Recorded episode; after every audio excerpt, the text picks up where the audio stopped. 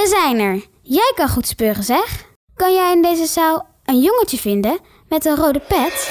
Yes, sir. Reading you loud and clear. Clear, clear, clear. The clock has started. The clock has started. Welkom. Je luistert naar Play, een podcast van iGlow over contentcreatie en marketing. In elke aflevering kiest één gast de vijf beste marketing cases. Hier is je presentator, Paul van der Ham. Ja, van harte welkom bij de achtste aflevering alweer van de podcast Play. Een podcast met de beste mediacontent uitgezocht door een interessante gast. En ik heb weer eh, zo'n interessante gast. Eh, mijn gast van vandaag die studeerde geschiedenis en museumstudies. Ze werkt als adviseur bij Kennisinstituut DEN. En dat is het Kennisinstituut voor Cultuur en Digitale Transformatie. Ze is dol op het, eh, het koppelen van het juiste medium eh, aan het publiek in de cultuursector. Ze organiseert allerlei kennissessies op het gebied van digital storytelling en publieksonderzoek. En ze werkte eerder bij Museum Boymans van Beuningen en het Centraal Museum Utrecht. Een applaus voor Sophie Heikoop. Sophie, welkom. Hi, dankjewel. Met applaus. Hey Sophie, ja, het koppelen van, van kennis uh, van, van publiek aan culturele uitingen. Daar ben jij volgens mij elke dag mee bezig. Ja. Waarom vind je dat zo interessant? Um, nou, ik ben ooit geschiedenis gaan studeren gewoon uit interesse. En daarna dacht ik, ik wil docent worden. Want ik hou ervan om verhalen naar mensen toe te brengen. Nou, docent worden, dat was toen heel lastig voor geschiedenis. Toen ben ik museumstudies gaan doen. En dat gaat eigenlijk over verhalen vertellen met objecten aan mensen. En die vertaalslag vind ik gewoon heel erg interessant. Dat heb ik dus heel lang gedaan als educator bij verschillende musea. En nu bij Den um, kan ik als adviseur me daar helemaal goed op richten. Um, in de musea is het natuurlijk heel praktisch. En nu kijk ik op een wat meer uitgezoomd niveau. Hoe is de sector hiermee bezig? Hoe kunnen we daarin adviseren en verbeteren? Want heb jij zoveel geleerd toen je bij die musea werkte... dat je dacht van, en nu uh, is mijn kennis zo goed... nu wil ik anderen daar ook mee inspireren? Um, ik heb er zeker veel geleerd. Je leert altijd het meest in de praktijk natuurlijk. Wat ik daar merkte, ik maakte bijvoorbeeld video's en multimedia tours... Um, is dat mensen vaak heel erg geïnteresseerd zijn. Niet eens zozeer in waar kijk ik nu naar, maar in de context.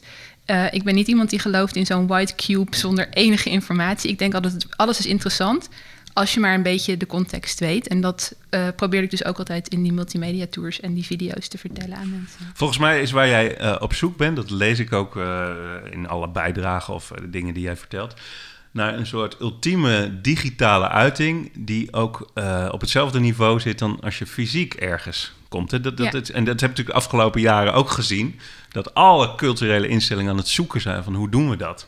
Klopt. Heb je het idee dat je daar al een, uh, een goed antwoord op hebt? Um, ik denk niet dat er één antwoord is. Um, ik weet nog toen ik een paar jaar terug bij Museum Boymans van Beuningen werkte, dat we inderdaad hadden over digitale ruimte als een net zo goed een museumzaal. Dus ook gewoon een, een plek die evenveel aandacht verdiende. Uh, door corona is het zeker in een, uh, een stroomversnelling ge uh, gekomen. Want natuurlijk was er alleen maar een digitale ruimte om je als cultuursector in te presenteren. En dan hoop je natuurlijk dat daar de interessante nieuwe vondsten ja.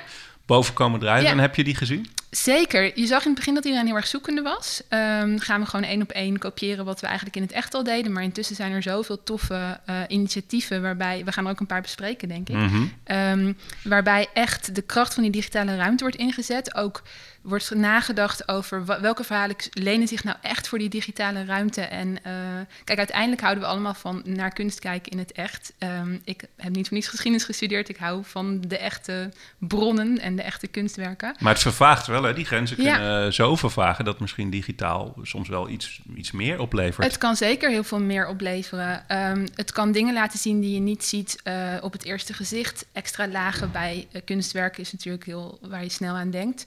Um, maar het kan ook zo'n beleving zijn. Ik hoorde uh, van bijvoorbeeld Theater, een theatergezelschap in, mm -hmm. in Friesland. Uh, en die hebben een hybride voorstelling tijdens de lockdown gemaakt, de eerste lockdown. Waarbij ze een deel livestreamden en toen naar mensen toe gingen en voor hun deur het afmaakten, het, uh, oh, de voorstelling. Ja, dan vind ik zo'n slimme combinatie van dat medium gebruiken en echt een waardevolle, betekenisvolle ervaring voor die bezoeker bieden. Was het lastig, uh, die vijf fragmenten kiezen? Nou, het was lastig om tot vijf te beperken. maar weet je, dat vind ik zo leuk. Dit is zo'n leuke formule. Want Eh, ik word er ook enorm door geïnspireerd met, met alles wat jij hebt gekozen. Eh, maar ook het, ja, het zegt ook iets over hoe jij naar de sector kijkt. En denk ik ook van eh, ja, waar anderen iets aan kunnen hebben. Dus volgens mij zijn het hele mooie fragmenten. Ja. We gaan gelijk beginnen met jouw allereerste fragment. Ehm, en ja, dat, dat gaat eigenlijk over het gebruik van Minecraft in de museumwereld. En we gaan luisteren naar Adam Clark. Kun je heel kort Ja. vertellen wie dit is? Ja, misschien moet ik eerst vertellen wat Minecraft is, want ik weet niet of iedereen dat weet. Dat mag. Ja, Dat ik weet dus- het. eh, mijn dochter doet het doet niet anders. Nee, precies. Het is dus een online spel waarmee je ehm, door werelden kan lopen en kan als poppetje er doorheen kan en allerlei avonturen kan beleven. Doe jij het je- zelf ook? Nee, nee. Oké. Ehm, ik heb het wel kort gespeeld, maar ik ben echt snel verslaafd aan eh, spelletjes. Dus ik heb het weer afgekapt. Ehm, maar je kan dus ook zelf werelden bouwen. En dat is wat eh, Adam Clark doet. Ehm, hij eh, ontwerpt Minecraft-werelden, waar dus andere spelers doorheen kunnen gaan. En dat doet hij ook voor musea. Ja, en daar gaan we naar luisteren, want hij legt uit eh, hoe hij een idee bedacht heeft voor een museum in Minecraft. My proposal was to create paintings in Minecraft that you can walk into and experience those pieces of art. So kids could learn about the artwork by just simply walking into a Minecraft map. A Minecraft map, I'll talk, you know, let's just assume you all know what Minecraft is. Okay, well, I'll get to the end bit and we'll talk about that in a minute. But Minecraft my giant, walk into a Minecraft map and experience the artwork for itself. Unfortunately, robots won. Okay? Uh, so I didn't win the thing, but it got me a lot of exposure. And also, luckily, two weeks later, the Tate did phone me up and said, Look, we really like the idea. Afraid you didn't win the IK prize. We've got a smaller budget. Can you do the same thing? And I was like, Yes, I can. Ja, dit gaat over iets wat hij al in 2014 bedacht voor eh, Tate Modern. Ehm, en dat heette Tate World, waarin hij dus letterlijk eigenlijk de schilderijen omzet naar werelden in Minecraft. Ja, briljant. Ja, super briljant. Echt, echt briljant. En ik, ik- we- weet jij, want ik vond dit, hij, hij heeft een heleboel voorbeelden ook eh, eh, hè, van dingen die hij gemaakt heeft voor de culturele sector. Maar de- deze vond ik geweldig, dat je gewoon in de schilderijwereld eigenlijk in Minecraft komt. Weet jij wat dit heeft opgeleverd?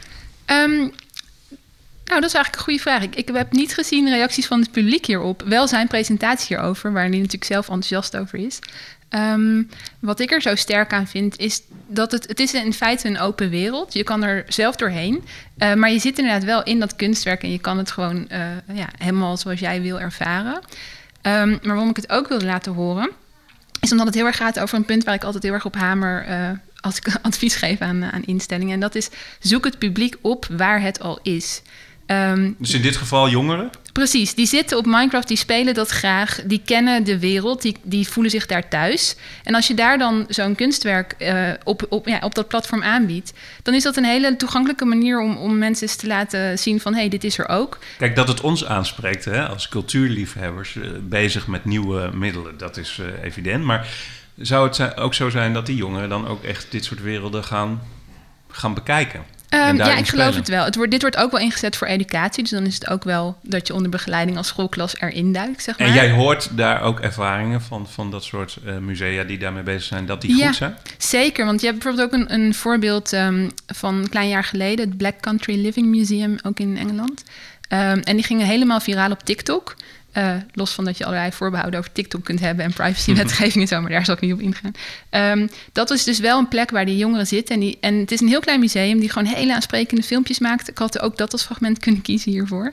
Ehm, en dus dan die, zie die, je die gewoon. moet je even opzoeken. Ja, precies. Leuk. Ehm, en dan zie je gewoon eh, dat zij daar een heel groot bereik mee hebben. Dat mensen daar heel erg goed op reageren. En die hebben ook publieksonderzoek gedaan. En gevraagd aan mensen: kende je dit museum voordat je dat TikTok-filmpje zag? En mensen zeiden: nee, het komt door TikTok dat we jullie kennen. En het komt ook door TikTok dat we nu ook een keer op bezoek willen gaan. Dus dan zie je dat mensen echt bereikt worden. Adviseer jij wel zijn musea, ga in Minecraft ook iets doen?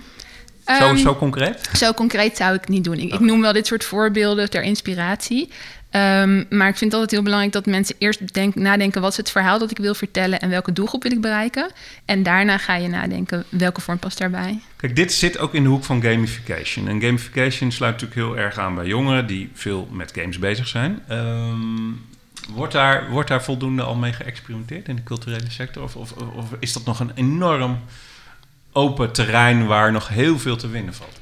Ik denk dat er nog wel meer te winnen valt. Er is natuurlijk allerlei leuke aanbod. Um, en, en musea en ook uh, theater en andere vormen van kunst die ermee experimenteren. Maar ik denk dat um, speelsheid nog wel meer mag in de sector. En niet alleen voor jongeren of uh, voor uh, kinderen.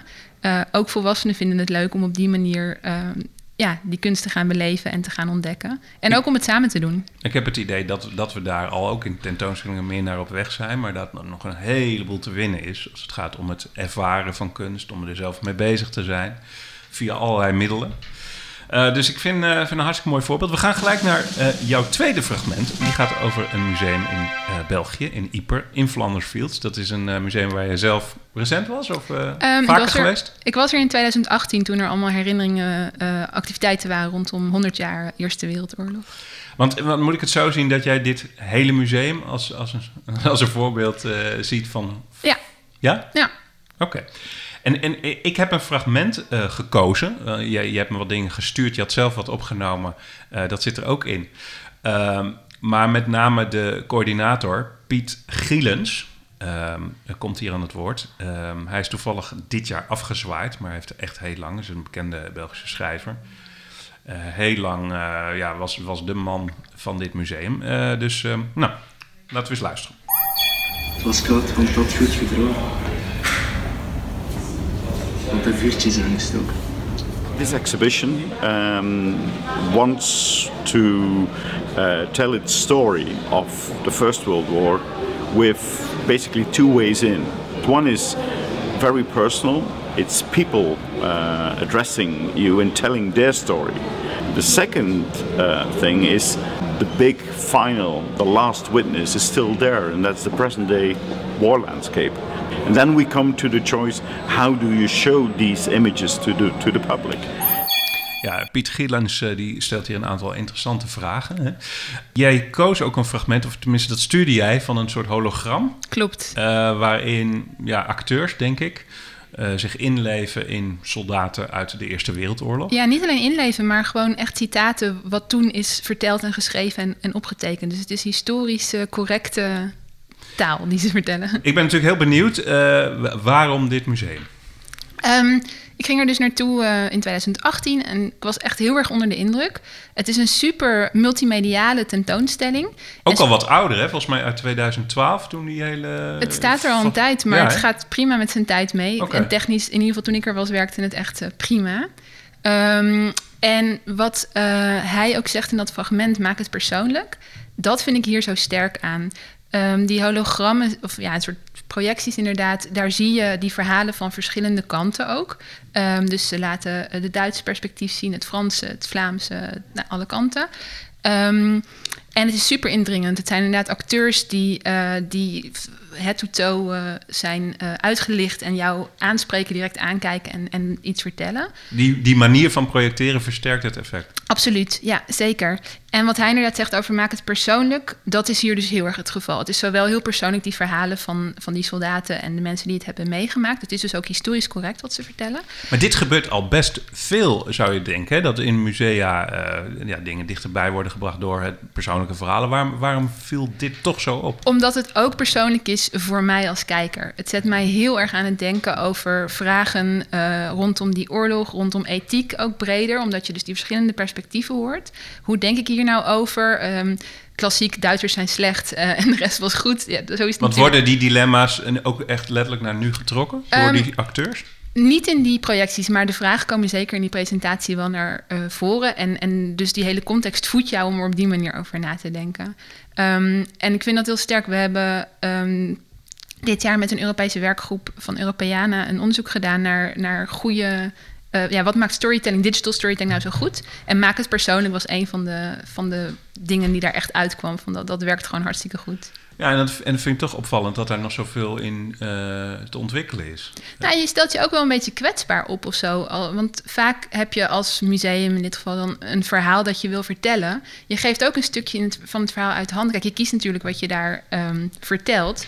Maar door het persoonlijk te maken, durf je ook een beetje kwetsbaar op te stellen en, en het open te doen en andere mensen uit te nodigen om te zeggen: Kijk, jij kan hier ook iets van vinden. Dus ik als kijker word ook uitgenodigd om te gaan denken en er met elkaar te over te gaan praten. En dat vind ik er dus ook heel goed aan. Ik neem aan dat jij veel musea bezoekt. Uh, nu in de coronatijd wat minder, maar normaal gesproken wel. Ja, dus, dus, dus je ziet veel. Dus je ziet ook veel wat, wat, wat niet goed is. Of, nou ja, niet goed, dat klinkt gelijk zo belerend. Maar in ieder geval dingen waarvan je denkt... Hè, dit is een heel goed voorbeeld. Ja. Wat gaat er mis? Nou, nee, dat, dat, dat vraag ik verkeerd. Nou, Waar zit, hoe kunnen mensen meer die persoonlijke verhalen... Hè, wat, bij musea waarvan je denkt... hé, hey, maar daar kan het ook veel beter. Ja, ik denk um, dat we echt voorbij het punt zijn... dat een museum als autoriteit het verhaal vertelt. Um, en ook niet alleen maar... Um, het kunsthistorische verhaal of een soort van puur academische beschouwing van dit is waar we naar kijken. Ik denk dat het gewoon belangrijk is om te raken aan maatschappelijke dingen die nu spelen. Natuurlijk uitleggen dat dingen toen anders waren. Maar bijvoorbeeld nu is er in stedelijk een tentoonstelling um, van uh, Emiel Nolde. En daar wordt aan de kaak gesteld van ja, die had gewoon hele jonge modellen. En dat is eigenlijk, of niet eigenlijk, dat is gewoon niet oké. Okay. Um, en dat is wel met respect voor die context. Maar ook in die context, 100 jaar geleden, was het niet oké okay om meisjes van negen naakt te schilderen.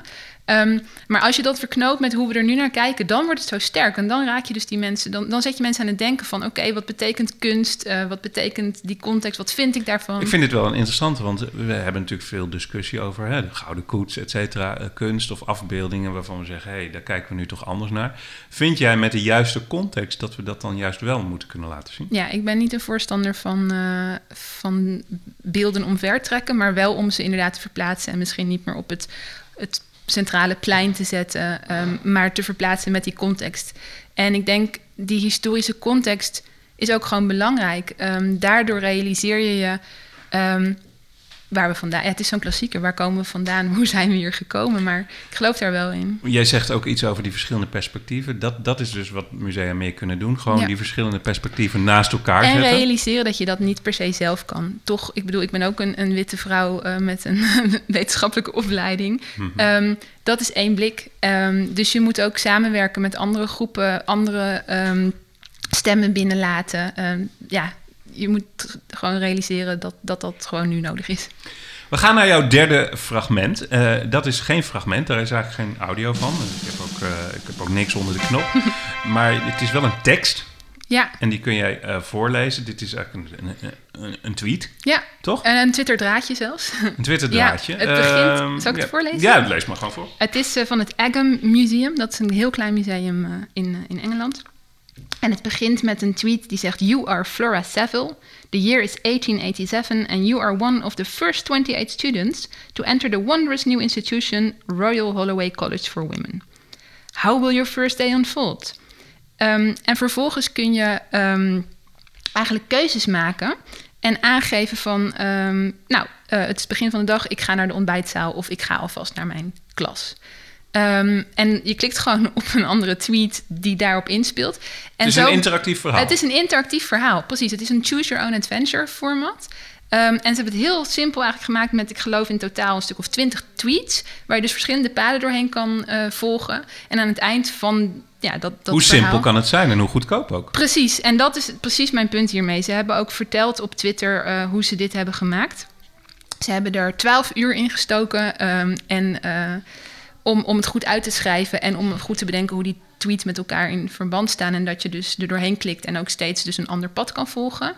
Um, en toen nog even nagedacht over wat plaatjes erbij. En uh, ja, dat, dat is het. Ik hoor hierin ook iets van, ook al ben je een kleine instelling, heb je niet zoveel budget, met creativiteit en het inzetten van de juiste middelen, kun je op een hele sterke manier digitaal bereik uh, creëren, maar ook digitaal je verhaal vertellen. Ja, en dat is precies wat ik hiermee wil laten zien. Soms denk je bij digitaal, het moet flashy, we moeten VR, we moeten heel veel geld hebben. Uh, alleen de grote spelers kunnen dit misschien, maar dat is dus niet per se waar.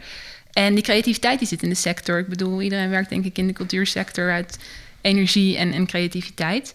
Um, en met dit, een medium wat, uh, wat gratis is, een, uh, een werkdag, nou 12 uur, anderhalve werkdag, uh, heb je dit gemaakt en heb je een heel groot bereik. Is het nou zo dat je dit soort voorbeelden ook gezien hebt de afgelopen jaren door de omstandigheden? ja, zeker. Eigenlijk het eerste voorbeeld is... Want dit komt dan uit Engeland? Ja. Niet het eerste Nederland. voorbeeld in Nederland, um, en dat is niet van een instelling, maar was um, het Instagram-account tussen kunst en quarantaine. Ja, ja, ja, ja. Ja, dus daar werden mensen uitgenodigd om in die eerste lockdown kunstwerken na te maken met een paar objecten die je in huis had. En dat ging dus ook dat weer kent helemaal... volgens mij bijna iedereen. Ja, Dit in mijn echt- bubbel wel. ja, nou ja, in de Ehm, mijne ook. Maar Ja, het was gewoon heel erg leuk. Het speelde in op wat er toen was. Want we zitten thuis en we willen iets, iets even doen om eh, uit die hele situatie te komen.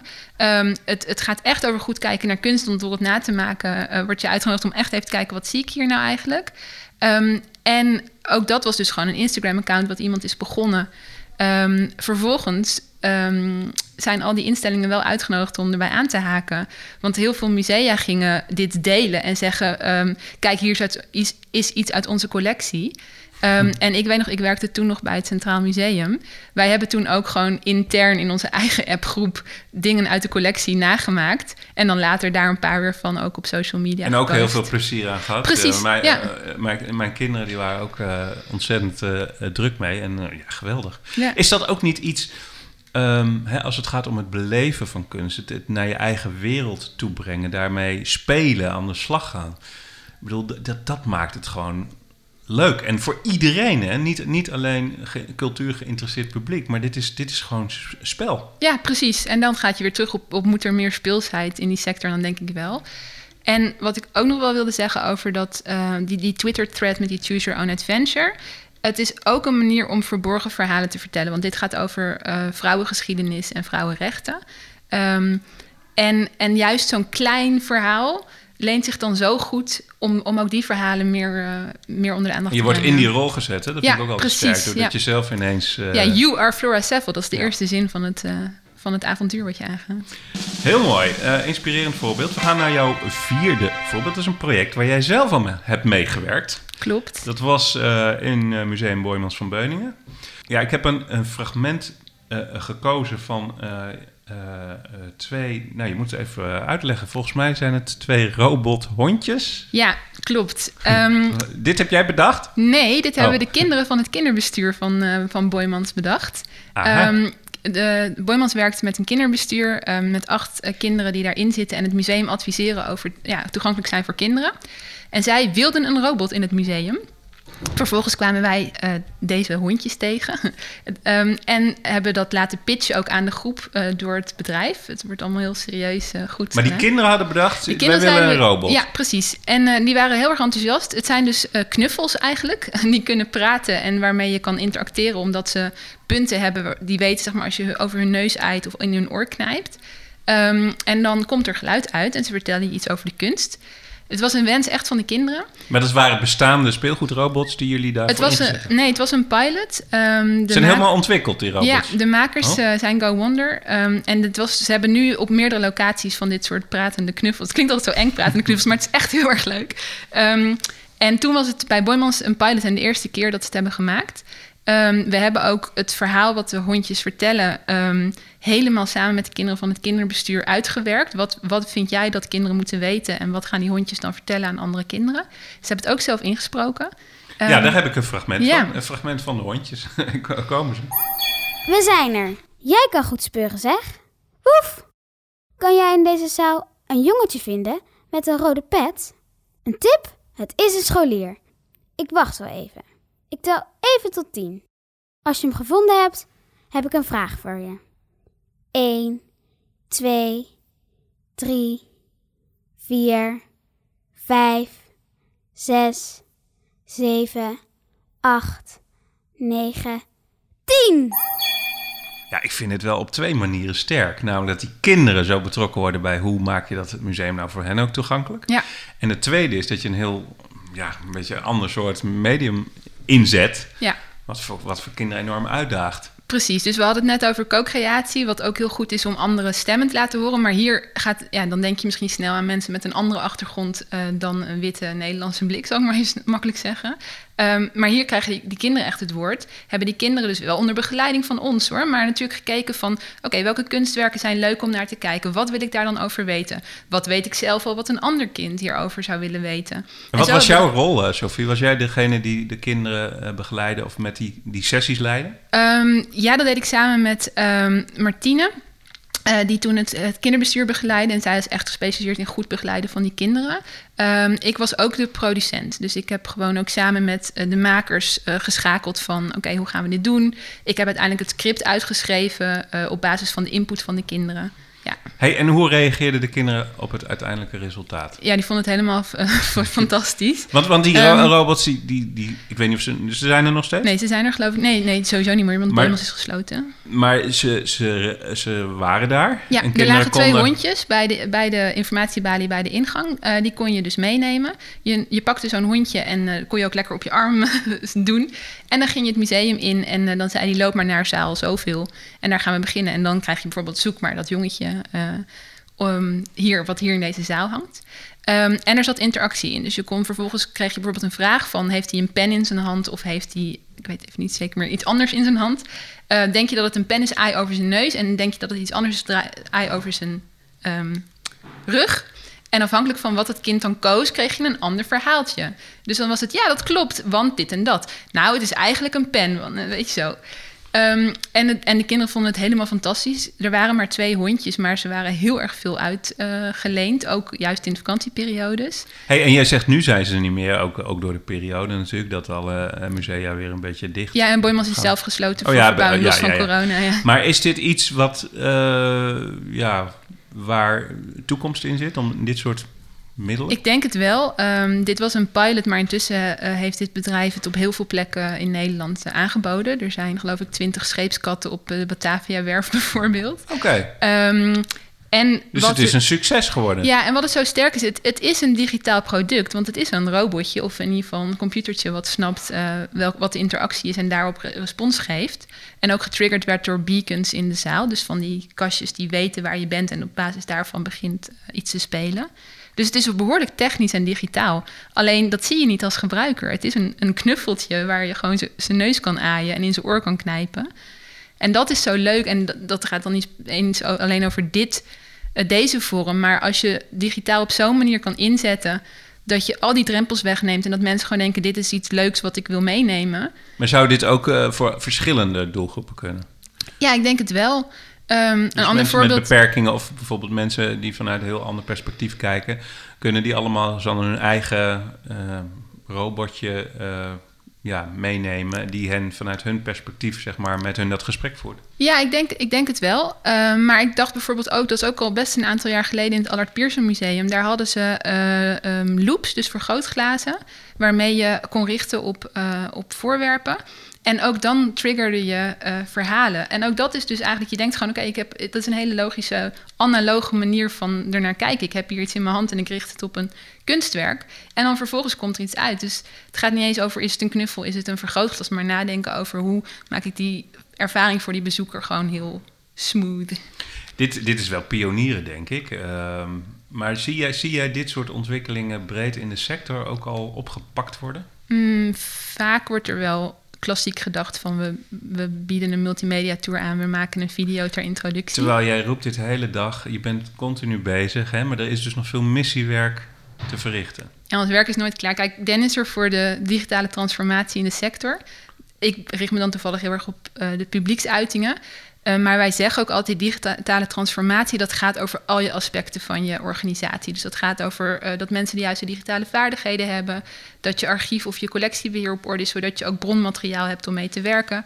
Eh, dat gaat over een mindset, over een strategie. Dus, dus ja, die uiting naar het publiek, daarvoor moeten al die randvoorwaarden ook op orde zijn. Kijk, ik kan me voorstellen met dit soort voorbeelden dat je ook nog, nog een beetje op de grens zit dat het een technisch gimmick is.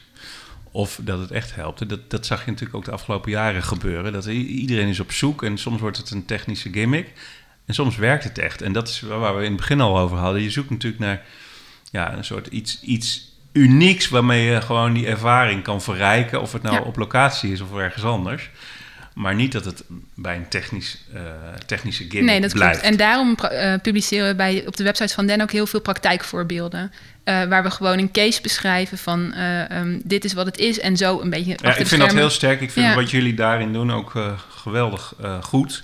En ook, ik lees ook al die voorbeelden met veel plezier. Dus zeker een aanrader. Als, als je als luisteraar nog niet de, de blog van, van Denk kent, ga, ga dat zeker checken. En ook jullie nieuwsbrief. Dankjewel. We zijn alweer toe aan het laatste fragment, Sophie. Het gaat heel snel. Ja, Eh, en het grappige is, dat gaat ook weer over eh, een robot eh, inzetten. Alleen dan een beetje op een andere, net, net omgekeerde manier. Past goed bij de afgelopen jaren. Je hebt een podcast gekozen. Ja. Een favoriet voor jou, hè? Kunst, kunstmatig. Ik dacht even van, zit jij daar nu ook in? Maar volgens mij niet. Nee, nee, Nee. nee. ik ken wel de, wel de makers. Ehm, Het gaat helemaal over kunst en technologie. Klopt. Ehm, eh, dus, dus sowieso. eh, volgens mij is hij al gestopt, toch? Deze podcast. Of loopt hij nog? Eh, er is net een tweede seizoen begonnen. Ah, Oké, oké. Ik ken hem nog niet, maar heel erg interessant. Ehm, en je hebt een aflevering gekozen die gaat eh, eh, over een robot. De ervaring van het kijken van een tentoonstelling via een robot. Nou ja, eh, de, de, de dames vertellen er zelf over hoe dat is. Nou, ik was nou ja, echt heel erg verbaasd bij hoe dicht het in de buurt kwam van die ervaring. Die ik zou hebben als ik fysiek naar de tentoonstelling toe zou kunnen gaan. En wat ik ook, als het gaat over die tactiliteit, wat ik interessant vond, is dat ik dus wel. Ik kon echt het materiaal van de kunstwerken zien. Dus ik kon de structuur zien, ik kon zien waar het mee gemaakt was. En dat miste ik een beetje bij de virtuele tentoonstelling. Dan kun je maar deels inzoomen. En je kijkt ook vanaf vaste plekken waar de foto's zijn gemaakt. Terwijl met die robot kun je precies daarheen gaan waar jij heen wil. Nou, hier hebben we eigenlijk eh, het antwoord op, op de vraag van... zijn er manieren waarop je toch die fysieke, dat bezoek aan een, aan een, aan een tentoonstelling... op een andere manier toch digitaal zou Ja. kunnen ervaren. En, nou, via die robot eh, li- lijkt dat wel op een hele frisse manier te kunnen. Ja, precies. En zij vergelijkt hier ook een bezoek, eh, in dit geval aan het Van Abbe Museum, wat ze zowel in een 360 graden tour heeft gedaan, als via die robot, die dus op dat moment door het museum reed en zij kon inloggen en meekijken. En er liep iemand met haar mee om het uit te leggen. Ehm, en dat gesprek, wat, wat, daarvoor moet je natuurlijk eigenlijk de hele aflevering Ik heb luisteren. het maar- gehoord en Ja. ik, ik, was het, ik, ik kan me dat heel goed voorstellen, want die 360 graden tours zijn echt wel interessant. Maar het is een ander soort ervaring, vluchtig. Je gaat, je hebt toch de neiging om, oh, ik heb het al wel gezien. Ja, en wat zij ook heel goed bespreken, wat ik sowieso dus aan, aan die podcast heel goed vind, is dat ze altijd heel diep en analytisch erop ingaan over kunst en technologie, is dat vorm dus heel erg uitmaakt. Want je denkt, oké, in 360 graden eh, blik, dan sta ik ook in die tentoonstelling, of dan voelt het alsof ik daarin sta. Terwijl als je met een robot rond kan lopen en je hebt zelf ehm, de mogelijkheid om te kiezen en, en nou ja, langer te blijven staan of in te zoomen of, of verder weg te rijden. Eh, want je kan die robot ook zelf dus eh, ehm, besturen. Dat maakt zoveel uit voor die beleving. En, en dat is die vorm. Je denkt het is iets digitaals, maar die vorm maakt echt heel De erg veel medium uit. is the message. Ja, zeker. Ja, ja. En dan moet ik ook weer denken aan, aan Adam Clark, die we in het begin hoorden over Minecraft. Die zegt: ehm, The story is more important than the pixel. Ehm, dus echt, nou ja, wederom denk na over wat je wil vertellen. En daarna komt pas die vorm erbij. Er wordt toch heel vaak een vorm gekozen vanwege de vorm en niet omdat Klopt. het goed aansluit bij welke beleving je wil creëren. Ja, en dat is eigenlijk steeds jouw, jouw verhaal. hè? Ja, inderdaad. En dat, dat is dus ook met die robot. In dit geval was het bij het Van Alp Museum. Ik heb het zelf ook gedaan, maar dan bij het Zeeuws Museum. Die hadden hetzelfde format met hetzelfde Oké, apparaat. en had jij ook zo'n soort ja, ervaring? Ik, ik merkte dus dat ik mensen hierover vertelde. Dat ik zei, ja, eh, en er stond ook een rondleider naast me. En toen dacht ik, hoezo stond hij naast me? Ik zat in Utrecht, het Zeeuws Museum is in Middelburg. Ehm, maar het voelde heel fysiek. En zij noemen dat ook in die podcast tactiel, inderdaad. Ehm, dat, alsof ik daar echt was. Ehm, Ja, ja. maar je voelt denk ik ook een soort eh, so- een so- sociale eh, verantwoordelijkheid. Omdat je gaat niet zomaar dan zeggen, oh, nou, dit, hup, weg. Want er staat iemand naast je, Ja. die, die, die, eh, daar ben je mee in contact. Dus dat zorgt Ja. er denk ik ook voor dat die beleving veel sterker is. Zeker, die ook heel veel daarover kon vertellen. En ik heb zelf die, die robotrondrij- rij- pff, robotrondleiding in het Zeeuws Museum gedaan ehm, in de lockdown van eh, begin 2021. En ik ben in de zomer van 2021 naar het Zeeuws Museum geweest en heb diezelfde kunst ook weer in het echt bekeken. En we hadden zo'n leuk gesprek met elkaar, want we konden gewoon zeggen: Oh ja, dat vertelde die mevrouw toen. En eh, goh, was dat dan dit detail? En we hadden dus met die robot best in detail kunnen kijken. En zijn dus weer gaan zoeken in het echt van: kunnen we dat nu weer terugvinden? Is het een, een waardige vervanging van een eh, museumbezoek? Ehm, het is een andere ervaring. Ehm, Kan prima naast elkaar. Het kan prima naast Jij elkaar. hebt die twee ervaringen waren beide interessant. Ja, Maar is dit iets waarvan, kijk, iedereen zoekt nu naar digitale vervanging van Ja. het locatiebezoek. Is dit iets wat, wat veel meer musea zouden moeten doen? Is als dit- het past, dan, dan Ja. wel. En je hebt de infrastructuur en je hebt goede mensen die het kunnen begeleiden. Want in, opnieuw, die hele context is ook belangrijk. Eh, je moet het niet zomaar doen omdat je denkt, ik wil ook iets met een robot. En ik weet ook Uh, want ik heb ook wel de mensen gesproken die hiermee bezig zijn geweest. Het is voor een organisatie ook best een investering geweest. Nou zaten we toen in een lockdown en hadden ze zoiets van... ja, dit is een manier om ons te presenteren. En ze hadden nog geld om het te faciliteren. Het was ook gratis om te doen voor deelnemers. Wat ook nog wel een zoektocht is van... Uh, vraag je er wel of geen geld voor. Maar inderdaad, als het een betekenisvolle en waardevolle, gelijkwaardige uh, beleving is, dan, ben ik wel heel benieuwd, tot slot Sophie, want we zijn er doorheen. Uh, wat jij vindt van nieuwe technologische ontwikkelingen als het gaat om... Hè, Facebook is nu net uh, volop roept over de metaverse. Uh, dus eigenlijk de virtuele wereld die zo sterk lijkt op de echte... dat je daar eigenlijk allerlei ervaringen ook zou kunnen creëren. Um, is dat ook een vorm waarvan jij denkt... nou, daar zouden musea veel meer zich kunnen gaan manifesteren? Um, en, en dat biedt ook allerlei kansen? Ik denk dat je een stapje terug moet doen. Ik denk dat dat, en dat is natuurlijk ook mijn werk bij Den en waar Den voor staat. Um, je moet weten welke keuzes je kunt maken. Dus je moet zelf gewoon goed die werelden kennen of leren kennen. Of mensen zoeken die het je kunnen vertellen, die je erbij kunnen helpen. Um, en zelf die vaardigheden in huis hebben om goed opdrachtgeverschap te kunnen geven. Goed te formuleren wat wil ik nu eigenlijk vertellen, voor wie. En daarna komt de techniek. Maar het zou kunnen dat het ook uh, dit soort nieuwe technologie ook mogelijkheden Zeker, biedt. ja. Dus je kan erop uitkomen dat, dat, dat dat dan de vorm is waar dit heel erg goed past. Want en dan dat, zou ik dat het zeker denk doen. Ik over hè, binnen tien jaar hè, wel, wel iets waar meer mee gebeurt. Heb jij daar ook al voorbeelden van gezien? Um, niet specifiek in de metaverse, nee. Maar um, wel andersom dat cultuur ook helpt bij deze technologieën vormgeven. Dus cultuur wordt ingezet om AI te trainen bijvoorbeeld. En dat helpt bij gewoon een, een betere, inclusievere technologie die gewoon ja, voor iedereen toegankelijk kan zijn. Heb jij tot slot nog één laatste tip voor alle musea en cultuurinstellingen in Nederland die met digitalisering aan de slag willen of daar al mee bezig zijn, waarvan je denkt, let daar eens op? Um, ik zou beginnen, durf het, probeer het. Uh, durf te experimenteren. Uh, zoek mensen die je kunnen helpen als je er onzeker over voelt. Uh, en ga gewoon eens iets uitproberen. En vervolgens vraag je publiek wat ze ervan vinden. Want daar en met heel mensen veel ontwikkelen. Precies. Want dat is ook dat is zo open deur, maar toch gebeurt het heel weinig. Ja. Hè? Dat je gewoon met publiek en ook specifiek publiek samen ontwikkelen. Precies. Goed, Sophie, hartelijk dank. Graag gedaan. Wat, wat, je hebt me ontzettend veel uh, uh, meegegeven. Um, hartelijk dank voor alles uh, wat, je, wat je hier inbrengt. Iedereen die de fragmenten wil beluisteren nog een keer... of de video's of het beeld erbij wil zien... die moet eens even gaan kijken naar de show notes. Want die show notes die staan onder de aflevering... dus dan kun je alles terugzoeken. Bedankt voor het luisteren. de volgende keer weer met een nieuwe gast. Um, tot de volgende keer. Doeg! Come da poca picchita va bene. Se tu la parla miezza americano. Quando si fa l'amore sotto la luna Come da in capo di I love you. Papà l'americano